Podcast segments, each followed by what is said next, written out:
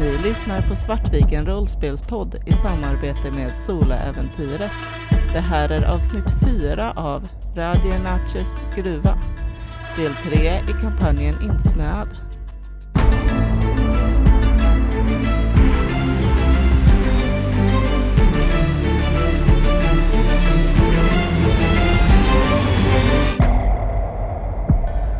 Liv och eh, Åsa-Marie har tagit sig in genom sin portal och de har skådat ut över vansinnets krigsfält.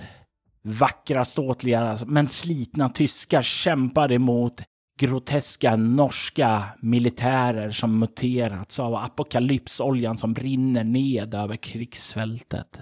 En man, mer blond och blåögd än någon som ni någonsin tidigare har sett, har rytit ut åt sina soldater, åt sina tyska mannar att göra sig redo för norskarna som stormar.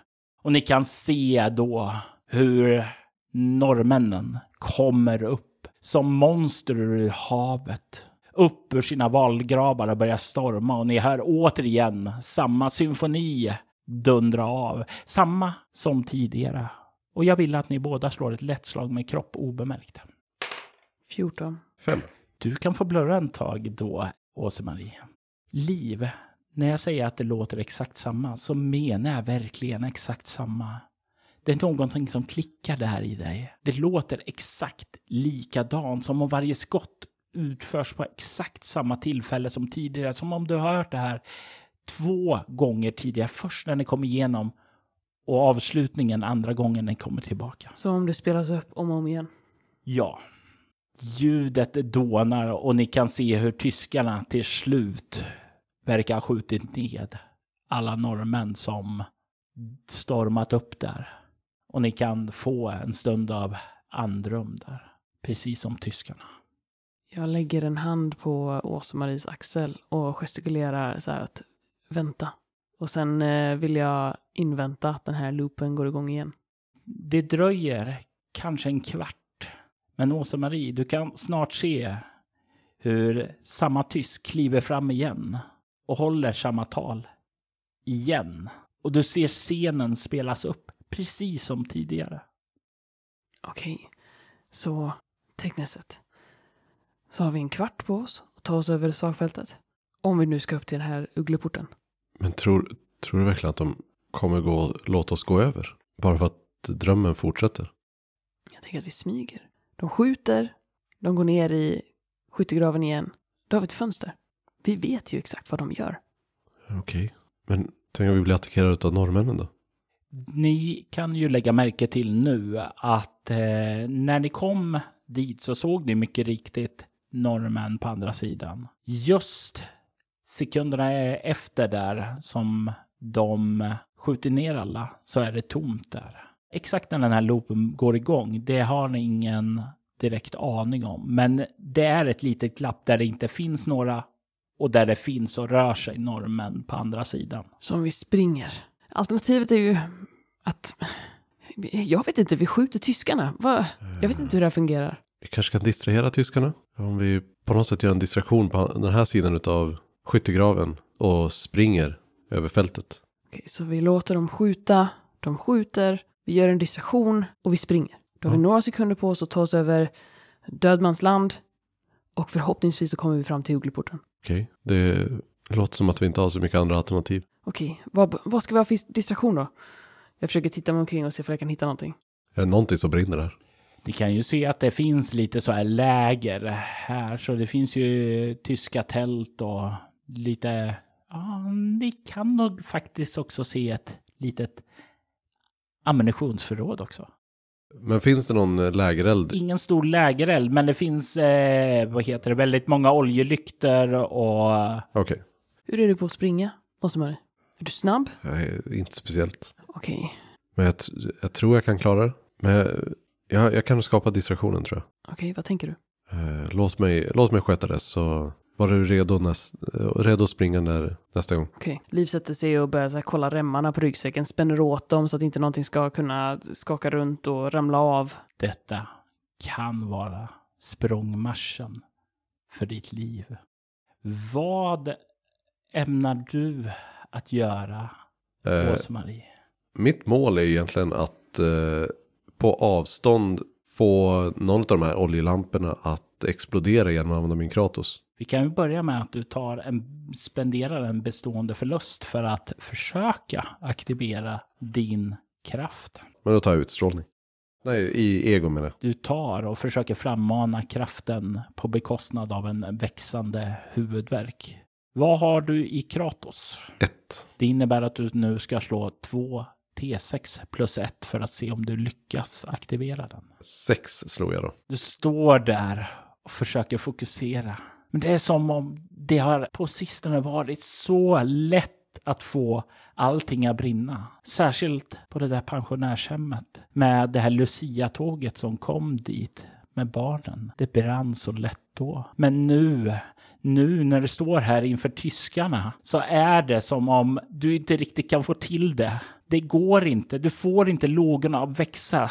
Och du kan ju höra bakifrån dig. Patetiskt. Så patetiskt. Bara i ren desperation så när tidpunkten i loopen kommer när, när distraktionen måste ske och jag ser att eh, Liv är på väg att springa så tar jag bara upp den eh, största sten som jag tror jag kan kasta. Och eh, kastar den mot eh, det här, eh, den här oljelampan så jag försökte desperat frammana den här mm, konstiga kraften för att få explodera. Varsågod och slå ett lätt slag med kroppavståndsstrid. Får jag slå slaget om jag inte har? Jajamensan, men du får minus två då. Du kan beskriva det på ett väldigt livligt sätt så ger dig bonusmodifikation. Jag har stått här och verkligen så här försökt koncentrera mig på att frammana den här eldkraften inom mig. Eh, och när jag känner hur det bara hela tiden undviker mig. Jag ser hur den här äh, loopen är på väg att avslutas och nu måste distraktionen vara på plats. Annars finns det risk att tyskarna kommer se oss. Så letar jag med blicken efter den här stenen som är ja, men som ett eh, halvt huvud stort ungefär. Och så springer jag halvvägs ner för backen samtidigt som jag kastar den det hårdaste jag kan, vilket absolut inte är så, så hårt. Men jag verkligen lägger hela min kropp och själ i att träffa den här lampan nu är egentligen lönlöst, men den blir en symbol för vad jag försöker åstadkomma. Och jag är så less nu på att undvika upptäckt och vara gömd och försöka att inte märka så att det här blir på något sätt en kulme på det också. Att nu försöker jag bara rädda situationen på det sätt som jag inte har lyckats rädda någon situation tidigare. Jag har inte lyckats rädda barnen eller de gamla på ålderdomshemmet. Jag har inte lyckats rädda någon på vägen hit. Jag har inte lyckats rädda mig själv. Ingenting har gått vägen. Nu lägger jag det, all den frustrationen i det här kastet. Du kan få plus två på slaget också. Fyra. Du hör uppifrån där du stod en röst som ropar åt dig, som är bekant för dig. Du är ingen fegis längre, men du skulle inte ha skolkat från brännbollen. Du slungar den där och du tog i för kung och fosterland, allt vad du kunde. Och den far. Den far ända förbi oljelampan vidare in i ryggen på en av de tyska soldaterna borta i vallgraven som skriker till och skjuter av sitt gevär av panik där. Liv, du hör ett mönster som bryts. Det börjar avfyras lite hipp som happ. Och eh, det, det blir den här stunden av fuck, någonting har ändrats där. Vad går igenom ditt sinne då? Är det här distraktionen som du har väntat på? Ja. Nej, men jag, jag hinner jag reagera så mycket liksom. Jag, jag tror att jag har varit så himla inställd på att jag ska springa och sen så när jag hör hur det börjar skjuta så, så springer jag. Det här är startskottet som brukar brinna av precis när du står där uppe i backen redo för att kasta dig utför, ut och vinna ännu ett lopp. Och det här är loppet för ditt liv. Du far utåt där, ut på fältet där. Samtidigt som, vad heter det, den här tysken som var på väg ut nu för att ropa ut alla order där, vänder sig om, ser dig halvt nedsprungen från den här backen och eh, verkar skrika ut en order som inte alls är den order som han tidigare har gjort. Eh, det får folk, några i den här linjen, att snurra runt och med höjda gevär mot dig, Åse-Marie. Min eh, tanke var ju ursprungligen att, eh, att göra det här och sen eh, följa liv. Men när, när alla gevären pekas mot mig då, då blir det att jag, jag sträcker bara upp händerna och vet inte vart jag ska ta vägen. Och du kan se hur en av soldaterna kliver upp och börjar kliva fram emot dig för att gripa den inkräktare som har tagit sig in i deras läger. Liv, du rusar ut på krigets fält bland apokalyps oljepölarna och likhögarna. Det droppar likt regn från himlen med den svarta oljan och du är på väg ut i ett anfall från norska militanta mutanter. Jag vill att du börjar med att slå ett lätt slag med kropp plus obemärkt för att undvika regnet som sköljer ned över området. Eh, 16. Du undviker regnet och du har ju sett det här tidigare. Du vet hur du ska göra. Du kommer ju komma ut och kunna springa den här sista biten där fri från de norska mutanterna. Däremot så har jag ett problem att jag springer ju rätt in i deras anfallslinje nu. Finns det något sätt att ta sig runt den? Eller kan jag hoppa, kan jag hoppa över dem? Det är ju det som slår dig och jag vill att du slår ett kroppskräckslag nu när du rusar ut och inser att det kommer ingen tysk eldgivning överhuvudtaget. Utan de här norska mutanterna fortsätter framåt där och du är mitt på ett slagfält mot dem utan att ha fritt fält framåt nu. Nej, det går dåligt. Eh, jag slår, eh, ska vi se, eh, nio. Jag skulle säga att det här är två stycken fina skräcknivåer för dig när du står mitt på ett krigsfält mot en stormande armé. Jag tänker att det här känns lagom surrealistiskt att det här blir mina två första pluppar i galenskap. Hur går tankarna nu när du inser att det inte är så lätt som du hade planerat? De här mutanterna är på väg mot dig. Du ser hur en stor vårta på ena armen av mutanten spricker och det sprutar ut vätska. Vätska som verkar klibba ner eh, området ännu mer. Det är nästan så att det fräter på marken där det hamnar. Liv har nog inte så mycket tid att tänka egentligen. Alltså jag tror att så här, jag registrerar ju någonstans att det här blev inte som vi hade tänkt, det här blev inte som vi hade planerat, någonting har ändrats. Eh, de här salvan som jag hade räknat med, den, den går inte av. Men eh, jag är ju en elitatlet. Jag är van vid adrenalin, jag är van vid att fatta snabba beslut i backen och att bara gå upp i den här känslan av blodet som pumpar, farten, vinden i ansiktet. Så uh, jag tror att jag bara kör. Och jag försöker hitta någonting som jag kan springa upp på för att på något sätt hoppa över den här. Så om det finns någon liksom stock eller någon gammal vagn eller sten eller lik. Rös, lik. Jag tar sats och styr min färd mot de här liken för att hoppa över frontlinjen och bara göra någon slags sista Hail Mary upp till den här porten och hoppas på det bästa. Och hoppas att Åsa-Marie är säker bakom mig. Jag tänker låta dig slå ett mycket svårt slag med kropp plus rörlighet. Det här kommer lyckas såvida du inte dör. Men det kommer att avgöra hur mycket skada du får för att forcera hela linjen då. 16. Beskriv för mig var du tar de tre bestående förlusterna du får. Du får sprida ut dem över samtliga, men en måste komma i kropp. Då tror jag att jag tar en i varje då, så en i kropp, en i ego, en i, i utstrålning och jag tror att det helt enkelt är för att jag eh, Går det att få sån där frätande klägg i ansiktet utan att det sprider sig och man dör? Det hade varit coolt att få ett så här, nu fräter jag bort nästan halva ansiktet.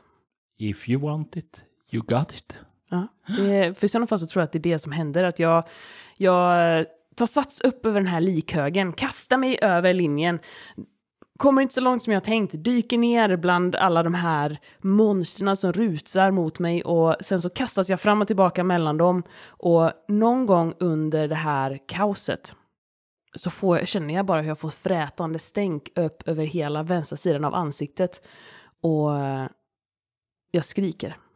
Det är den mest fruktansvärda smärta jag någonsin känt i hela mitt liv.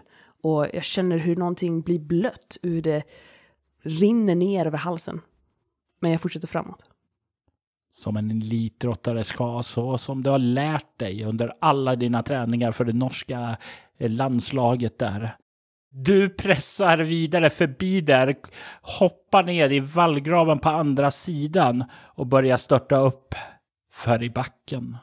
Du kan se hur du börjar närma dig den här porten, den stora porten där på andra sidan.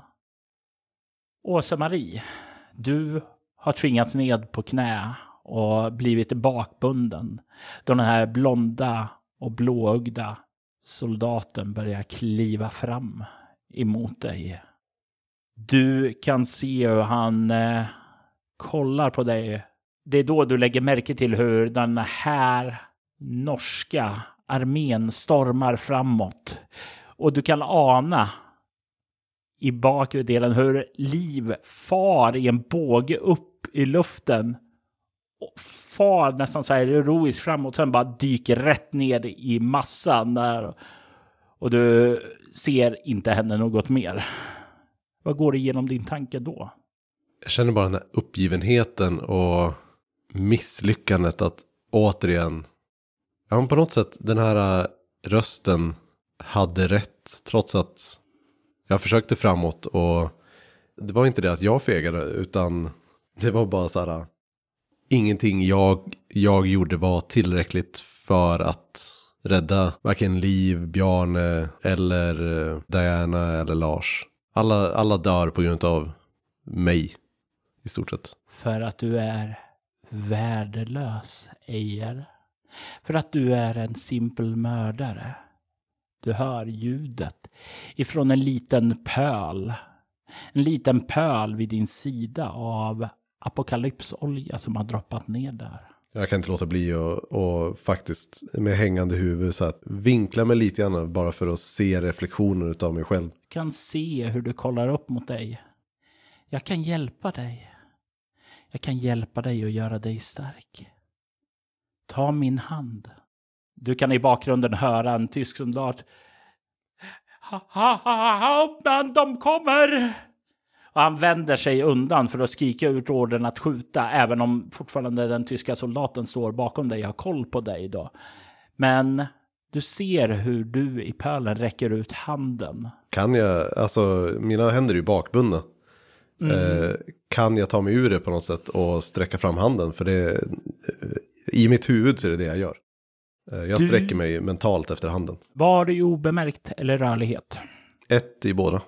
Du skulle nog inte kunna slingra ut där, utan då skulle du behöva göra en kort distraktion för personen där bakom som håller koll på dig där. För att kunna vända dig runt och trycka ner händerna där. Du sitter lite för hårt där. Jag kan inte bara kasta mig framåt och rulla över. Det skulle du också kunna göra. För i så fall så gör jag det. Beskriv hur du får ner händerna och möta dig själv i pölen av apokalypsolja. Den här vakten som står bakom mig och precis har sett de här, den horden utav eh, norska, norska mutanter eh, komma, komma mot dem. Är ju lite, ja men distraherad helt enkelt. Trots att han har sin eh, hand på min axel så duckar jag undan den och eh, genom att bara sätta mig ner. Och sen luta mig framåt, kasta mig fram på, på mage med ansiktet bara rakt i sörjan här. Och så rullar jag över för att och, ja, men sträcka ner min hand i den här pölen av olja. Trots att jag vet att logiskt så är det helt orimligt att det skulle spela någon roll att jag gör det. Men det är verkligen den sista, sista utvägen. Och det är när du kommer ner handen där som om du dras ned under ytan på en stor ocean. Du sjunker ned i den mörka vätskan och kan blicka uppåt. Du ser ett dansande ljussken där uppe. Det är så starkt. Det är så vackert. Lågorna slår och piskar omkring där. Och sen slocknar de. Liv. Du ser när du har tagit dig över, börjar ta dig upp för kullen där, så ser du infernot väckas borta i det tyska lägret. Du ser hur det slår ut över slagfältet. Du hör de plågade skriken av tyska nazister blandas samman med de norska militanta mutanterna. Det blir en sång av smärta som ekar upp samtidigt som allt på slagfältet omfattas av lågorna. Jag försöker kasta mig in genom porten. Du kommer upp dit till porten och kastar dig mot den, men den är stängd. Det är en rejäl stängd port där när du kommer upp där. Men du ser hur de här lågorna letar sig fram till lägret och sväller ned över själva lägret där också. Men det är inte upp till den nivån där uppe, utan du stirrar nedåt där i en ocean av eld framför dig. Och sen börjar den som vatten gör ibland sjunka undan och dra sig tillbaka. Och du kan se att det inte finns kvar något av det norska lägret överhuvudtaget. Då eh, blickar jag nu ut över slagfältet och sen, eh, sen så ropar jag. Åse-Marie! Du, Åsa-Marie, börjar sakta komma upp till ytan. Det är som om du glider uppåt där. Och du kan typ höra ljudet av en mufflad röst. En mufflad röst som låter som livs. Jag söker mig, jag, jag försöker ta mig upp till eh, ytan så effektivt som jag bara kan. Och i nästa ögonblick så inser du att du ligger där pölen en gång var. Du inser också att dina rep som höll dig samman tidigare är bortbrända.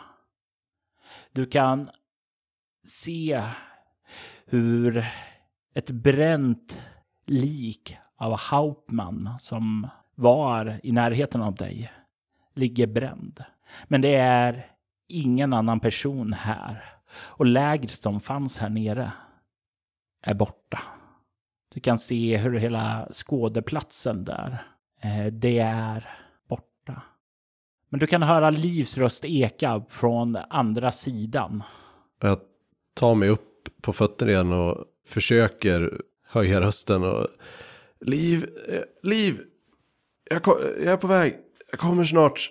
Och så börjar jag stappla bort mot uh, uggleporten. Liv, du kan ju snart se hur Åsa-Marie kommer mot dig. Jag springer ner för backen och möter henne. Och om hon behöver hjälp så hjälper jag till. Åsa-Marie. Ja, du känner ju då, eh, vad heter det, sliten, men du är ju inte fysiskt skadad.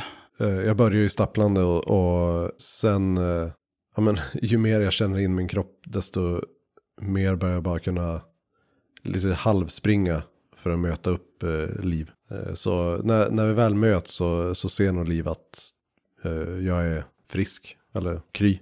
Det är inte jag. Du ser hennes eh, ansikte nu. Eh, vad, vad hände med dig? Vad, jag såg det försvinna i, i havet av mutanter. Vad för många? Finns det någonting jag vet att jag kan göra eh, åt den här skadan?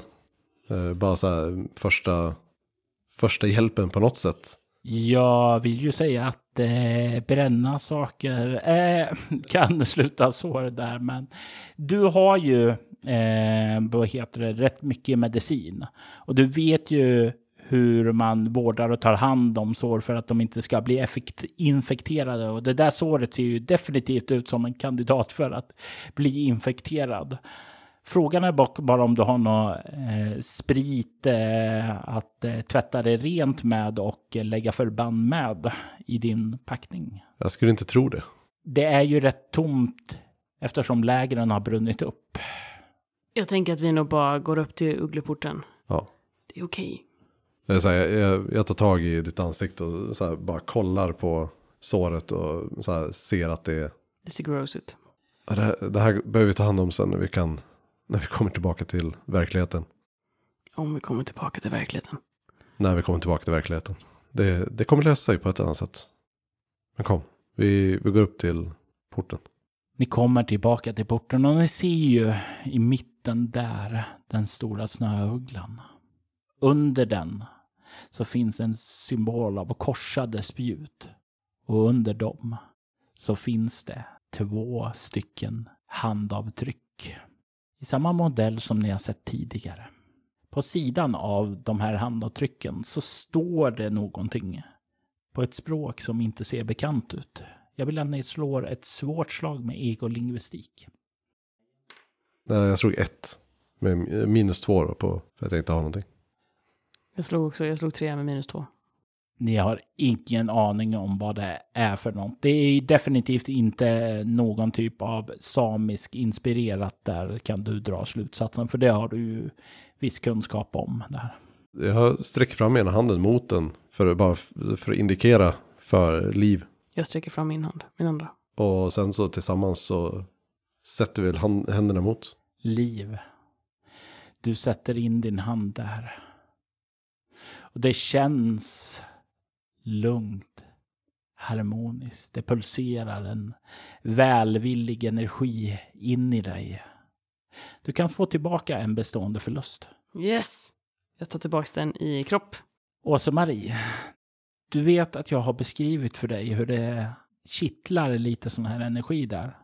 Det gör det inte nu. Du känner en enorm sprakande energi. Lite grann exakt vad som hände Diana tidigare när du, hon tog den här första statyetten ni hittade. Du får en bestående förlust i kropp och far bakåt av den. Och landar på marken där.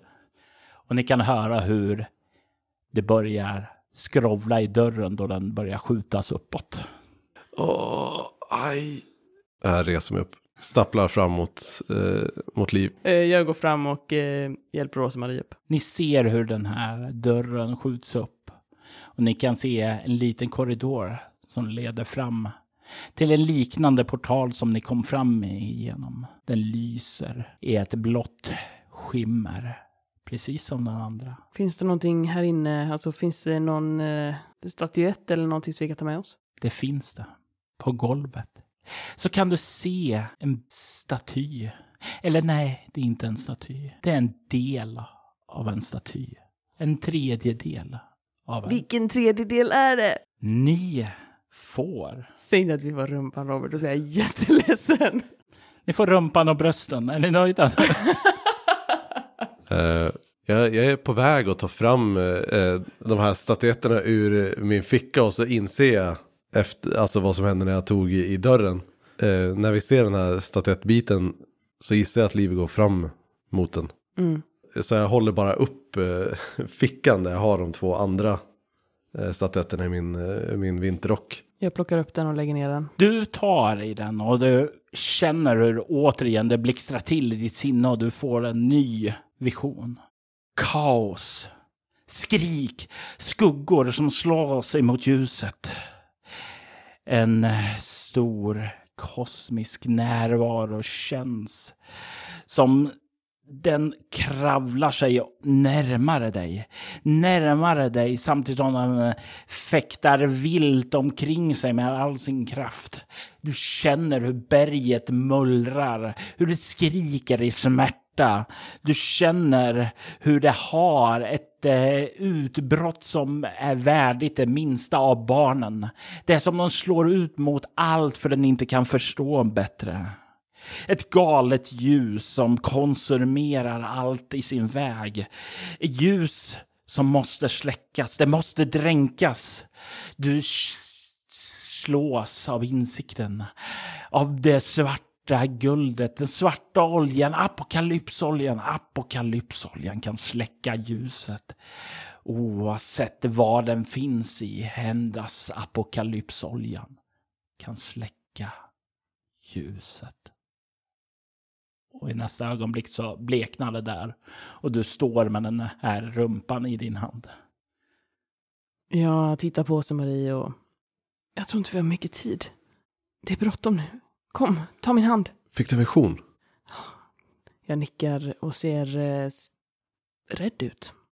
Det är någonting, den, den håller på att bryta sig loss och, och ljuset, ljuset, oljan kan släcka ljuset.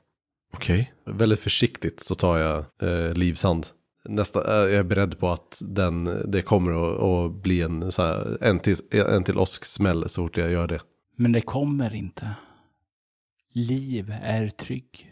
Ni återvänder till dit ni kom in.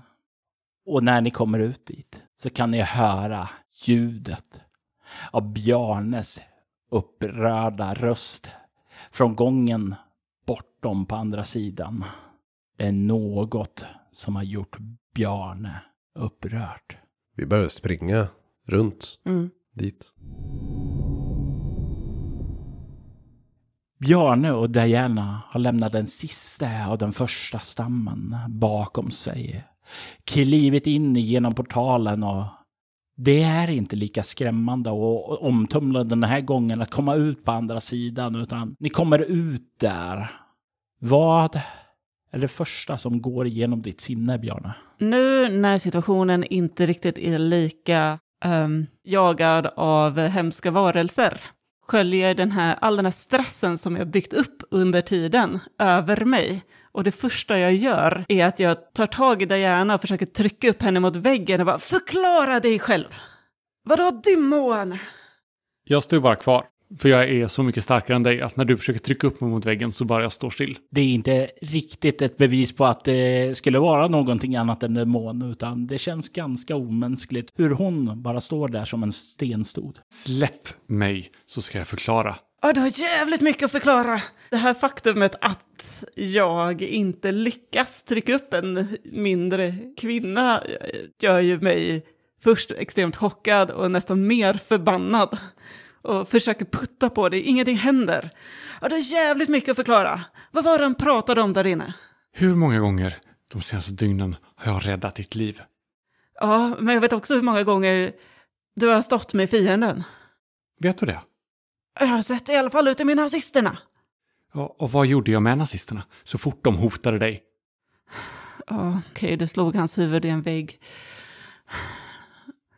Men man kan ju aldrig vara säker på någonting i den här verkligheten. Det enda du behöver vara säker på är att jag kommer göra mitt yttersta för att skydda dig och dem med dig. Ja, fram tills du vänder mig i ryggen.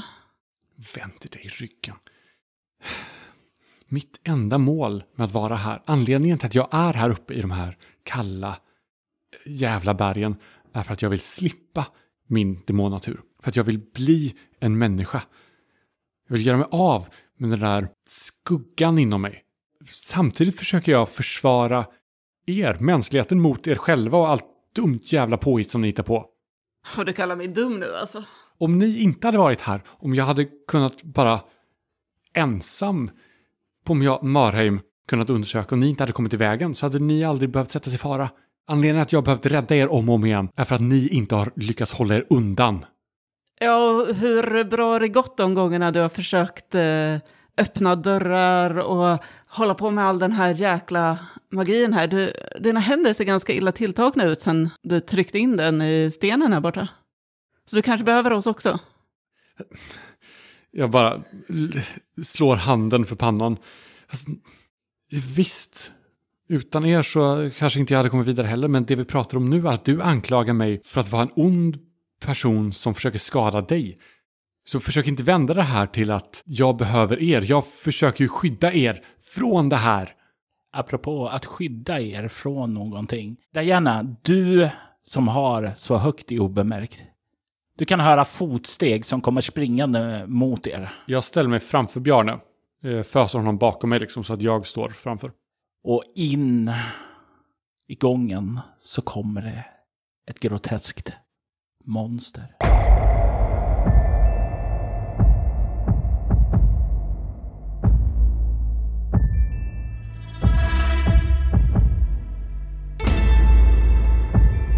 Ni har lyssnat på Svartviken rollspelspodd i samarbete med Soloäventyret. Äventyret Radjenaches gruva är tredje och sista delen i kampanjen Insnöad. Rollspelet Bortom är skapat av Robert Jonsson och musiken är gjord av Alexander Bergil.